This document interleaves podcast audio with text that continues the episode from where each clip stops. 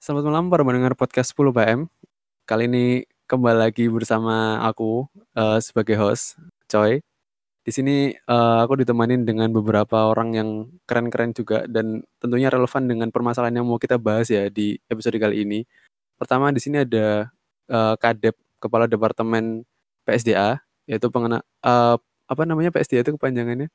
Peningkatan sumber daya pengembangan sumber daya anggota. Pengembangan, sorry sorry, pengembangan sumber daya anggota. Ada Mas Daniel. Saya hai Mas Daniel.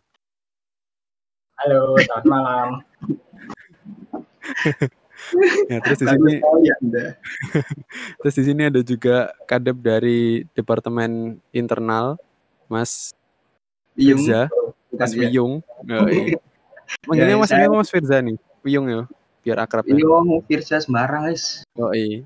Jadi sebenarnya nama aslinya Firza, cuma karena tinggalnya di Wiyung, daerah Wiyung, makanya panggilannya Wiyung. Fanatik. Ya sih lah. nah di sini juga ada uh, ketua panitia ya, ketua panitia pemaba atau PKKMB atau ospek lah, hmm. uh, mahasiswa arsitektur UPN untuk tahun 2020 ini. Saya hai dong Mbak Anindi. Halo.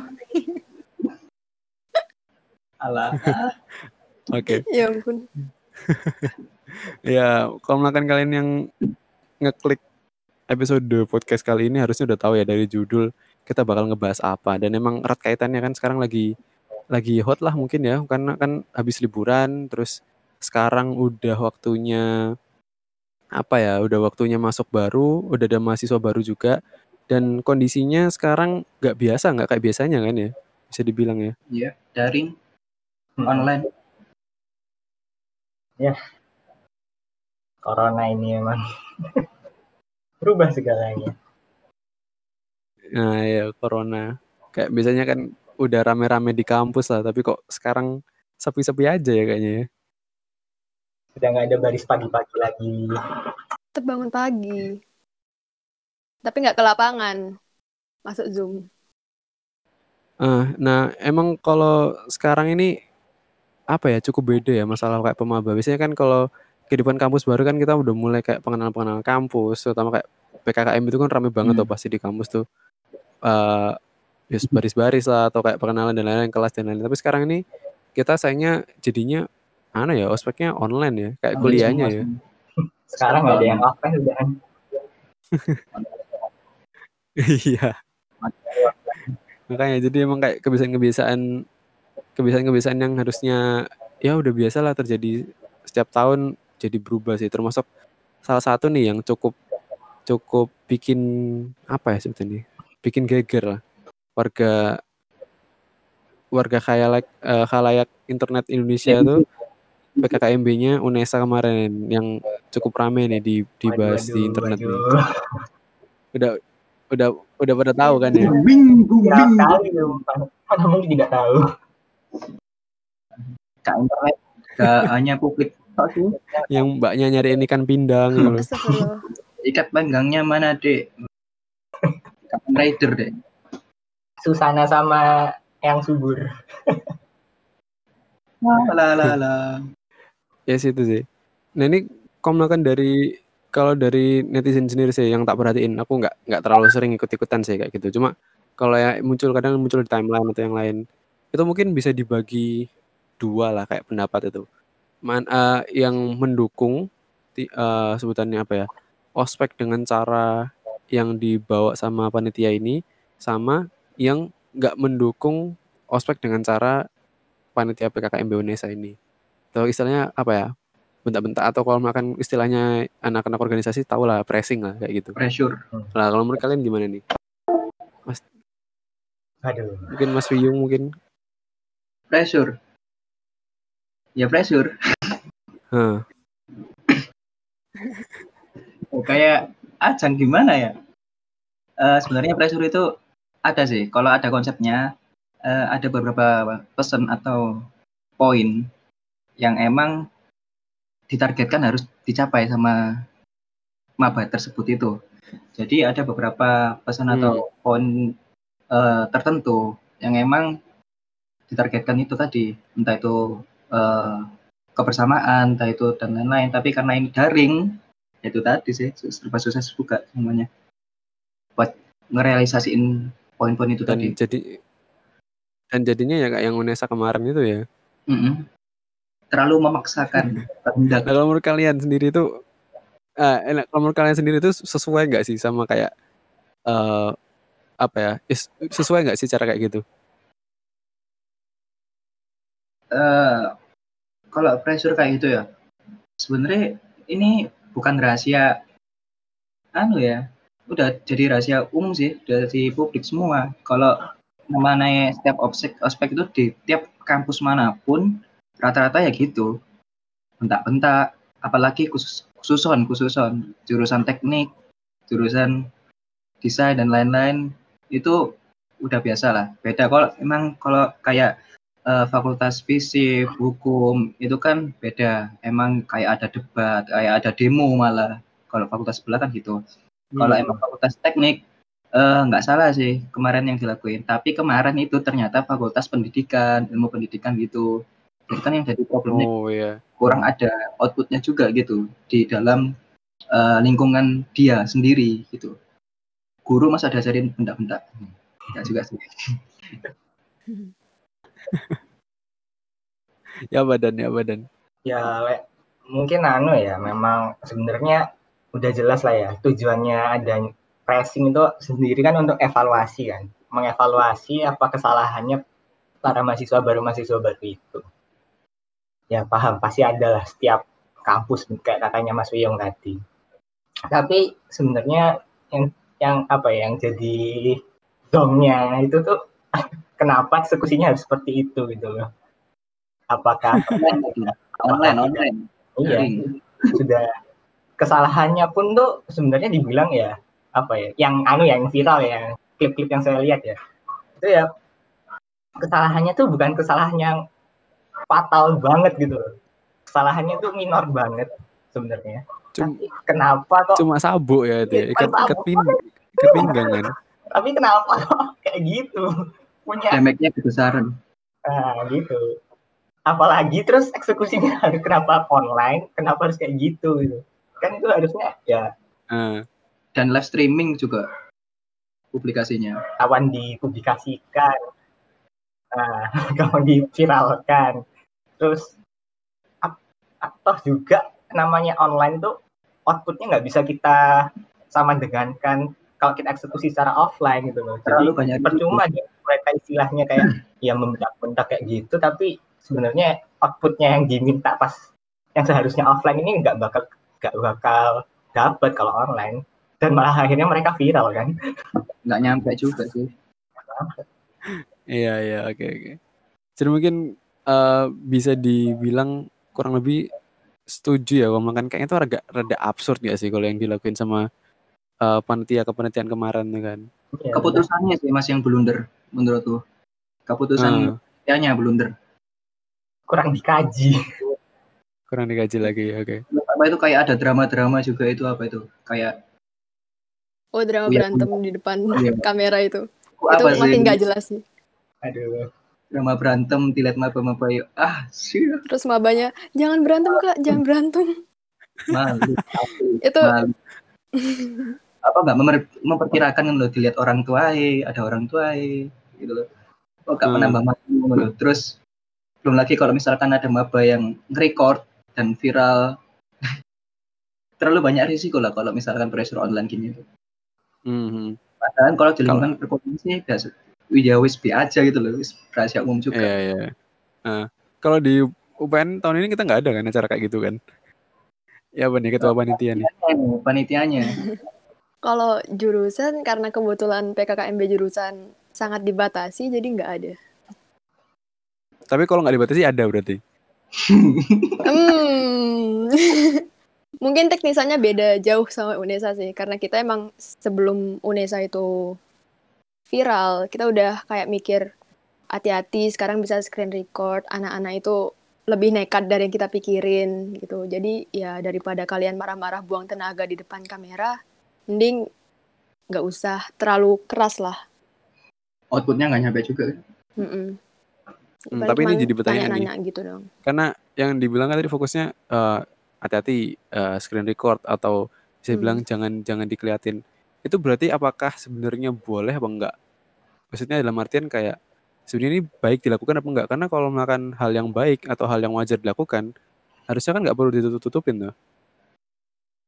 Karena kalau dari panitia sendiri sih ya, karena emang tujuannya pricing itu buat evaluasi, ya menurut kita ya perlu tetap perlu. Karena soalnya dilihat-lihat tuh kalau misalkan dibiarin gitu aja ya merekanya ya nggak ada apa ya namanya? Nggak ada hal yang membatasi gitu kan. Maksudnya Mm-mm, jadi kayak eh, ya udahlah juga nggak dicek. Mm-mm. nah, kayak semaunya mereka sendiri. Ah, iya. ya, oke. Dan memang nyatanya kalau makan dibilang sih kayak di RCUPN sendiri ada sebenarnya kayak gitu ya.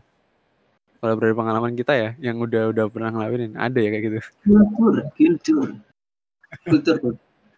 kultur kultur Nah, budaya terlepas dari itu kan kita juga pernah ngelakuin nih. Pasti kan udah pernah ngerasain gitu kan.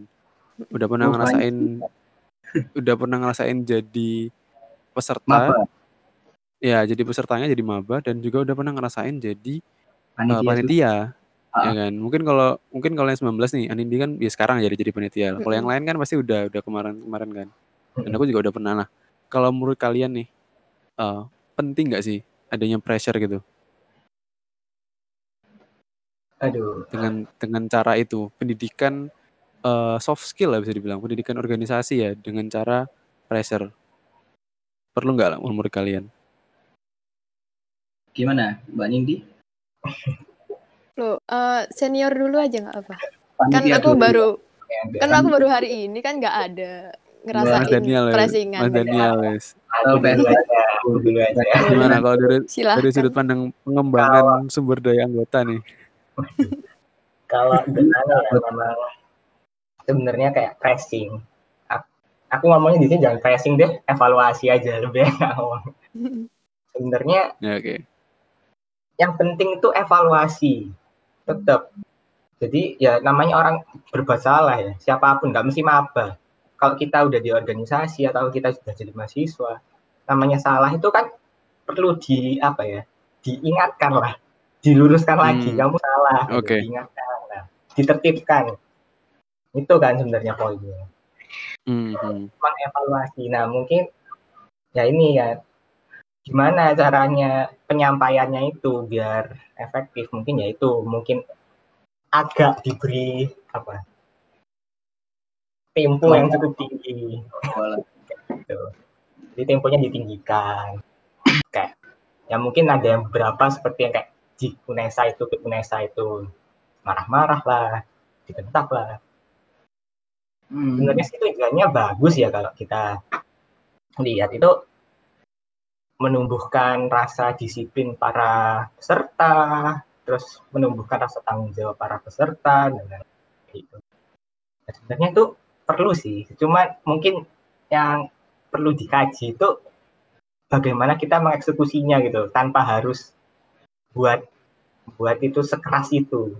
Ya gimana ya? caranya Saya- ya ya caranya soalnya ya balik lagi ya sekarang ini gimana ya semua orang tuh kapabi apa ya kapasitas dirinya itu kan beda-beda.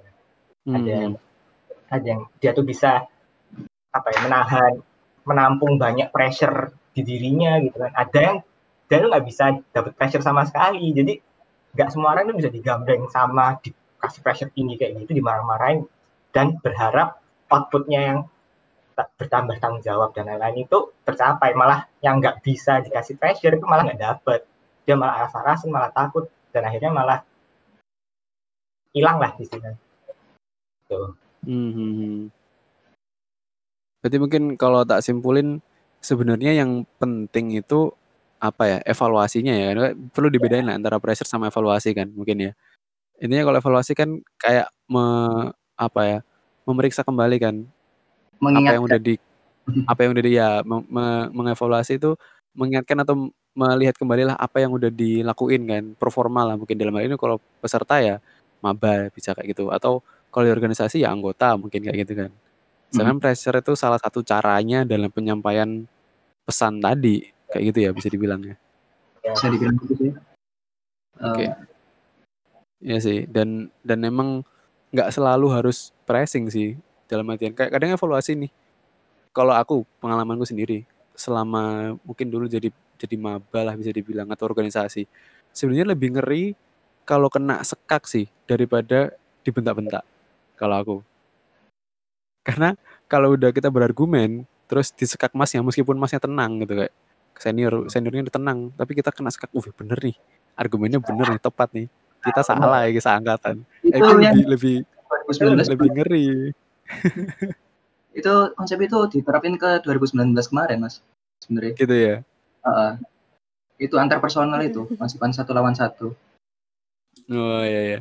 Gimana tuh gimana tuh? Gimana? ya sebenarnya konsepan satu lawan satu itu sebenarnya eh, lebih ke arah deep ya lebih deep aja sih Eh, penyampaiannya secara perlahan tapi pesan-pesannya itu nyampe gitu dan eh, argumennya itu langsung to the point ke pokok permasalahannya gitu nggak harus eh, kayak mencela-mencela ke teman-teman sekitar anda gitu sekitarmu gitu sih jadi lebih Jadi ke individu, fokus ke fokus ke apa yang terjadi bahkan kayak apa salahnya gitu kan. Argumennya apa itu yang itu yang dibahas ya. Ah, Daripada jadi sekedar kayak jargon-jargon gitu. ya jadi positifnya dari konsep itu itu eh yang salah yang kena udah gitu daripada Iya. tadi kan Berhasil. Nah, lebih berat ya jadi kalau eh, misalkan sing salah kena terusnya nggak salah juga kena. Kan kadang juga nggak enak juga gitu sih. Sebenarnya kalau menurutku pribadi sih pressure ini eh, nggak bisa diambil positif negatifnya juga tapi bisa diambil juga. Gimana ya ngomongnya? Eh kalau dibuat ke arah angkatan itu jatuhnya positif. Tapi kalau dijatuhin ke individu itu banyak negatifnya sih sebenarnya. Jadi kalau ke individu nanti entah dia itu trauma, takut berargumen, takut mengutarakan pendapatnya, sehingga akhirnya dia eh, takut untuk berdebat atau kayak dikena memberikan pressure, argumen lah ya. kena dibalikan argumennya apa itu apalagi ketika dia ngomong diserang balik sama 2 sampai lima orang gitu. Oh iya. Ini buat trauma juga sih sebenarnya. Tapi balik lagi kalau dia dijatuhkannya ke angkatan atau semua orang itu jadi eh, jiwa korsanya tumbuh satu rasa. Kan jargon kita jargon awalnya sama-sama senang sama-sama susah ya, nggak salah. FTSP lah nih. Iya, dulu kan terus eh, asasi kekeluargaan. Jadi lebih Nah, eh, dapat di waktu angkatannya sih gitu. Kalau diserangnya ke angkatan itu nanti eh, banyak cerita. Entah itu eh ya pressure gitu. hmm. Aku buntu Mas. Ya apa kalau dari Anindi sendiri yang dulu tuh dididik dengan cara itu sama angkatan 18? Ya apa? Dididik. Oke. Iya, iya. Kasarannya kan gitu kan. Dia nih banyak banyak omong nih ke seniormu nih, ngomongnya kayak gini, bener nggak? Iya. Tapi benar sih katanya Mas Wiyung juga kalau itu berdampaknya secara angkatan bukan individual. Soalnya aku pri aku pribadi pun nggak ngerasain ada karakter development di diriku sih. Kayak aku jadi jago ngomong, aku jadi pinter argumen enggak. Cuman untuk di angkatan tuh emang kerasa aku jadi bisa lebih sosialisasi lah sama teman-temanku, jadi ngobrol sama mereka, jadi sering main sama mereka gitu. Jadi ya emang ada outnya sendiri sih untuk pressing Jadi kayak gitu. mau nggak mau apa ya? Mau nggak mau ya mau berteman dengan yang lain gitu ya. Nggak bisa cuma sekedar di teman-teman dekat aja gitu ya mungkin. Apalagi kan sifatnya tugas-tugas di RC kan berkelompok juga gitu. Nah, iya sih, iya sih. Iya. Dan itu nggak nggak merugikan sama sekali sih. Hmm. Ya bener sih. Daripada nanti antar kelompok isinya anggotanya awkward semua. Ya, AFK semua. Waduh. Mata kelompok nggak hafal nama. Aduh. Iya sih. Kalau ini angkatannya berapa sekarang jumlahnya? Waduh. 69 Tujuh puluhan ya? kalau nggak salah. Oh yang paling banyak itu angkatan 18 ya? Iya, 18 ya paling banyak. Ya dong. paling kompak 100. 12. Yoi. Apal semua itu namanya. Siap Bang Jago. Apal apal. semua kan namanya itu. Apal Iya. dong. Nah, Apa itu sih? Apa lah, apa mas? mungkin ini Pasti sih apal. yang yang kayak bisa dibilang agak beda ya kalau yang sama pendidikan lain. Mungkin kalau eh sedengarku sih kalau kayak beberapa jurusan di yang lain di UPN yang sempat sharing-sharing itu yang nggak nggak se ya beda gitu. Karena kalau makan di sini kan kita dari awalnya nggak apal hari pertama hari kedua kita nggak apal temen dimarahin kan. Iya kan. Bener-bener. Meskipun nggak masuk akal argumennya.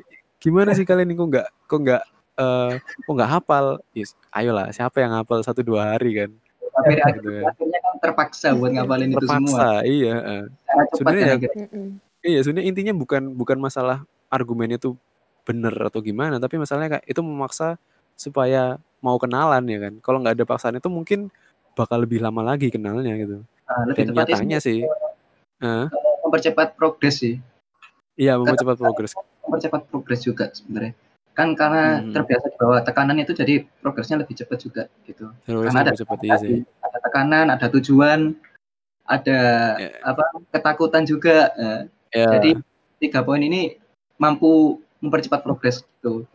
Penggeraknya itu efektif sekali. Penggeraknya gitu. lah, iya.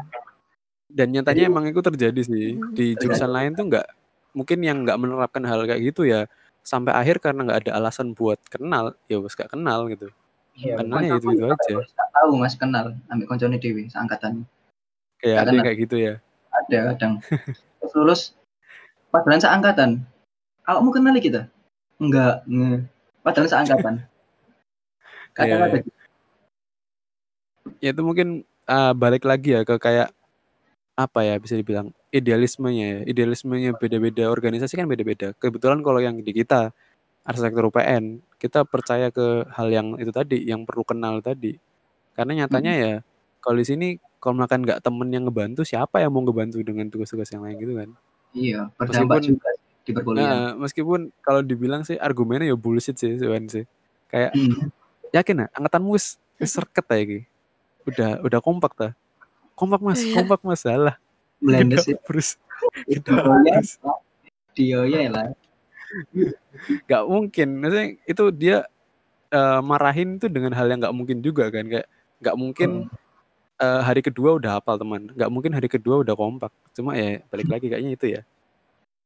Yang dibilang Wiyong tadi ya eh, yang dipaksa untuk ya penggerak lah ya. Iya Nah, penggerak Daniel tadi bilang pengge- penggerak sih kayak gitu.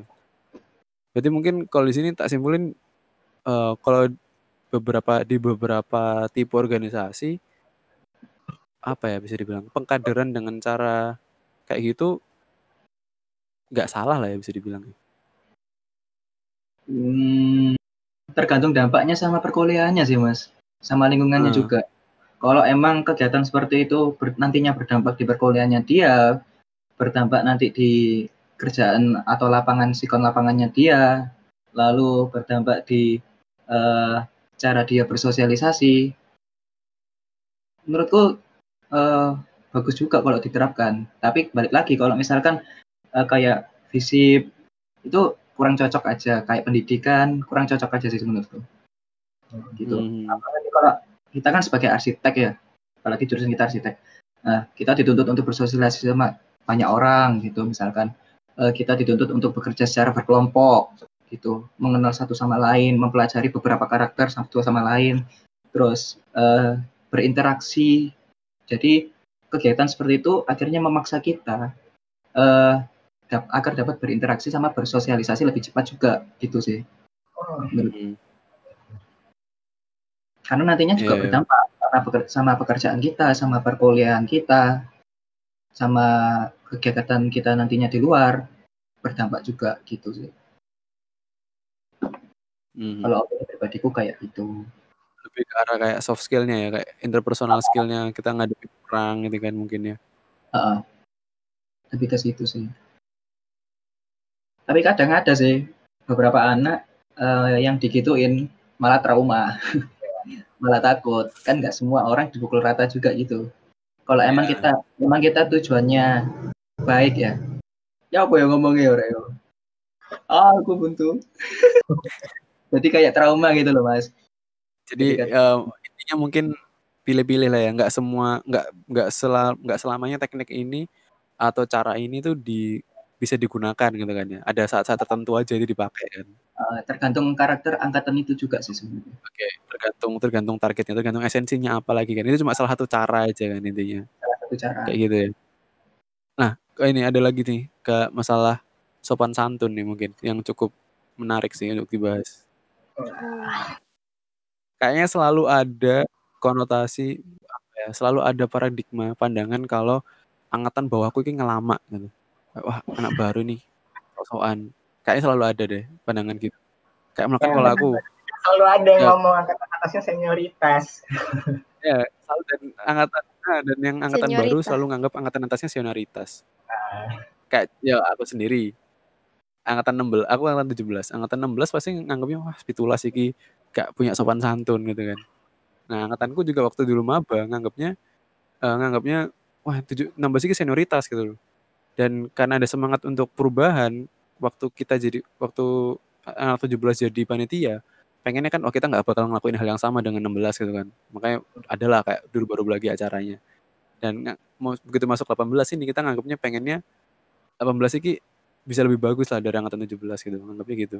Tapi tetap aja wah 18 iki lama gitu. Gak punya sopan santun. Nah, dari 18 sendiri nganggep pit- 17 senioritas gak pada zamannya dulu.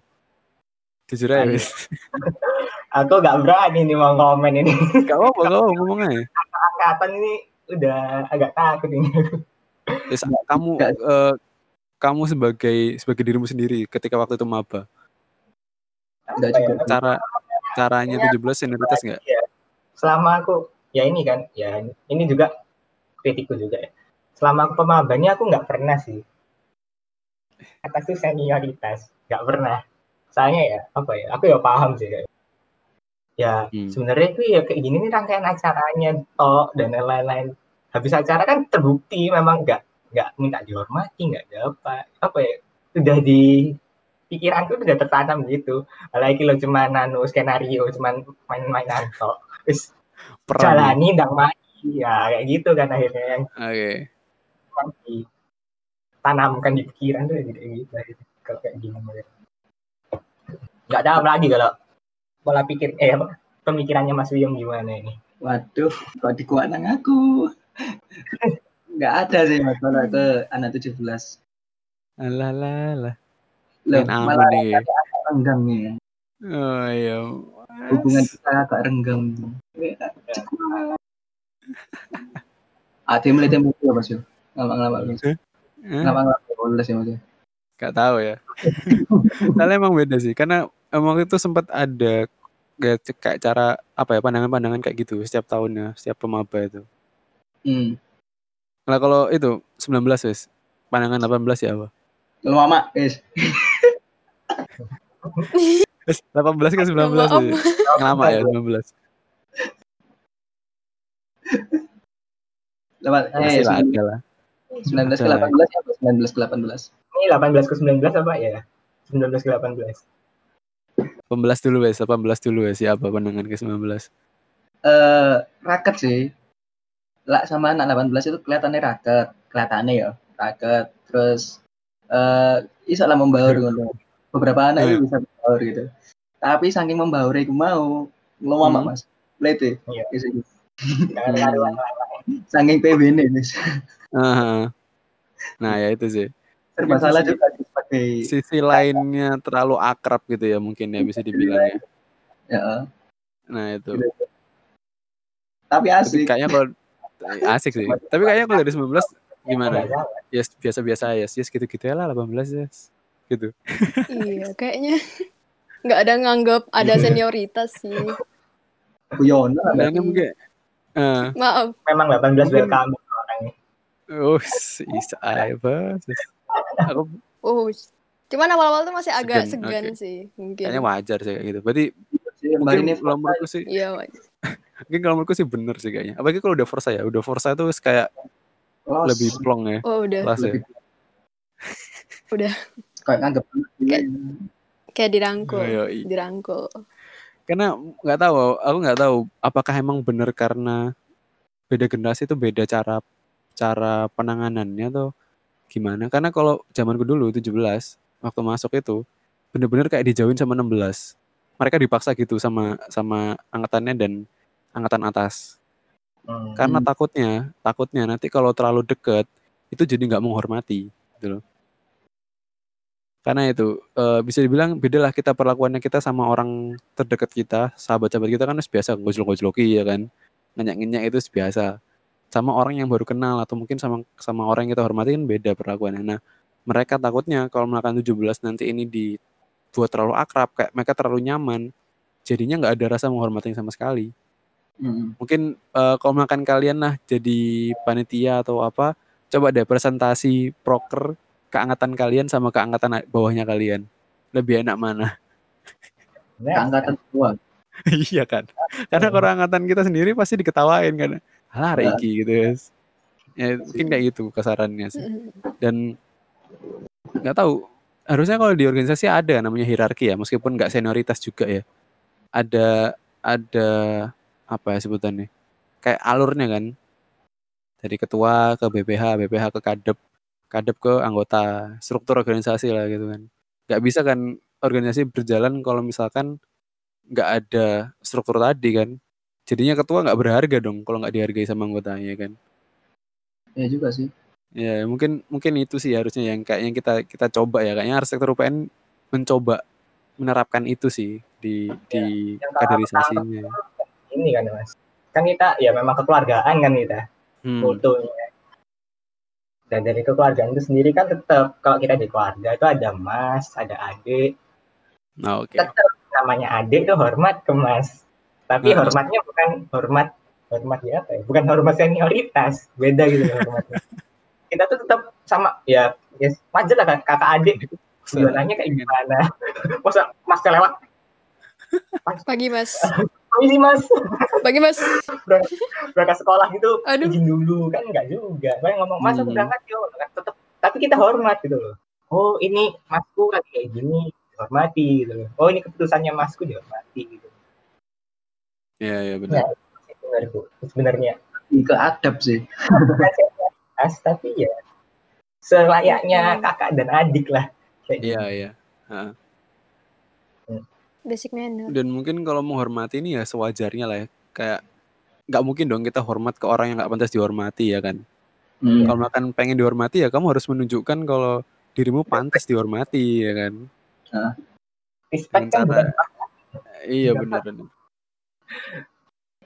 Kayak melakukan baru kenal ya seadanya ya. Makanya kita menghormati cutting mungkin ya kayak sebatas oh ya dia udah udah lebih tahu tentang kampus, udah lebih tahu pengalaman lebih banyak ya segitu yang kita hormati gitu aja kan mungkin. Pengetahuannya. Pengetahuannya lah, pengalamannya mungkin kayak gitulah ya bisa dibilang. Dan eh, bisa dibilang apa ya kasarannya salah senioritas itu sih kayak pernah sih cerita Mas Didin eh, kadepku kadepku dulu di Bebas waktu waktu pertama periode pertama. Nah itu dia cerita ketika dia udah mulai akrab sama sama kakak tingkat Mas Aufar. Kenal nggak Mas Aufar? Hmm. ya sih. Kenal. ya aku Mas Aufar dia, Mas. Aufar Mas Aufar dia bilang kayak ah nyesel aku kadung akrab karo Didin iki. Ngelama saiki arek ngono. Karena ya ya ya gitu sih mungkin sih. Udah kadung terlalu akrab ya mungkin. Sarannya sih tapi kalau menurut kalian eh 2020 nih se setahu kalian gimana Aduh.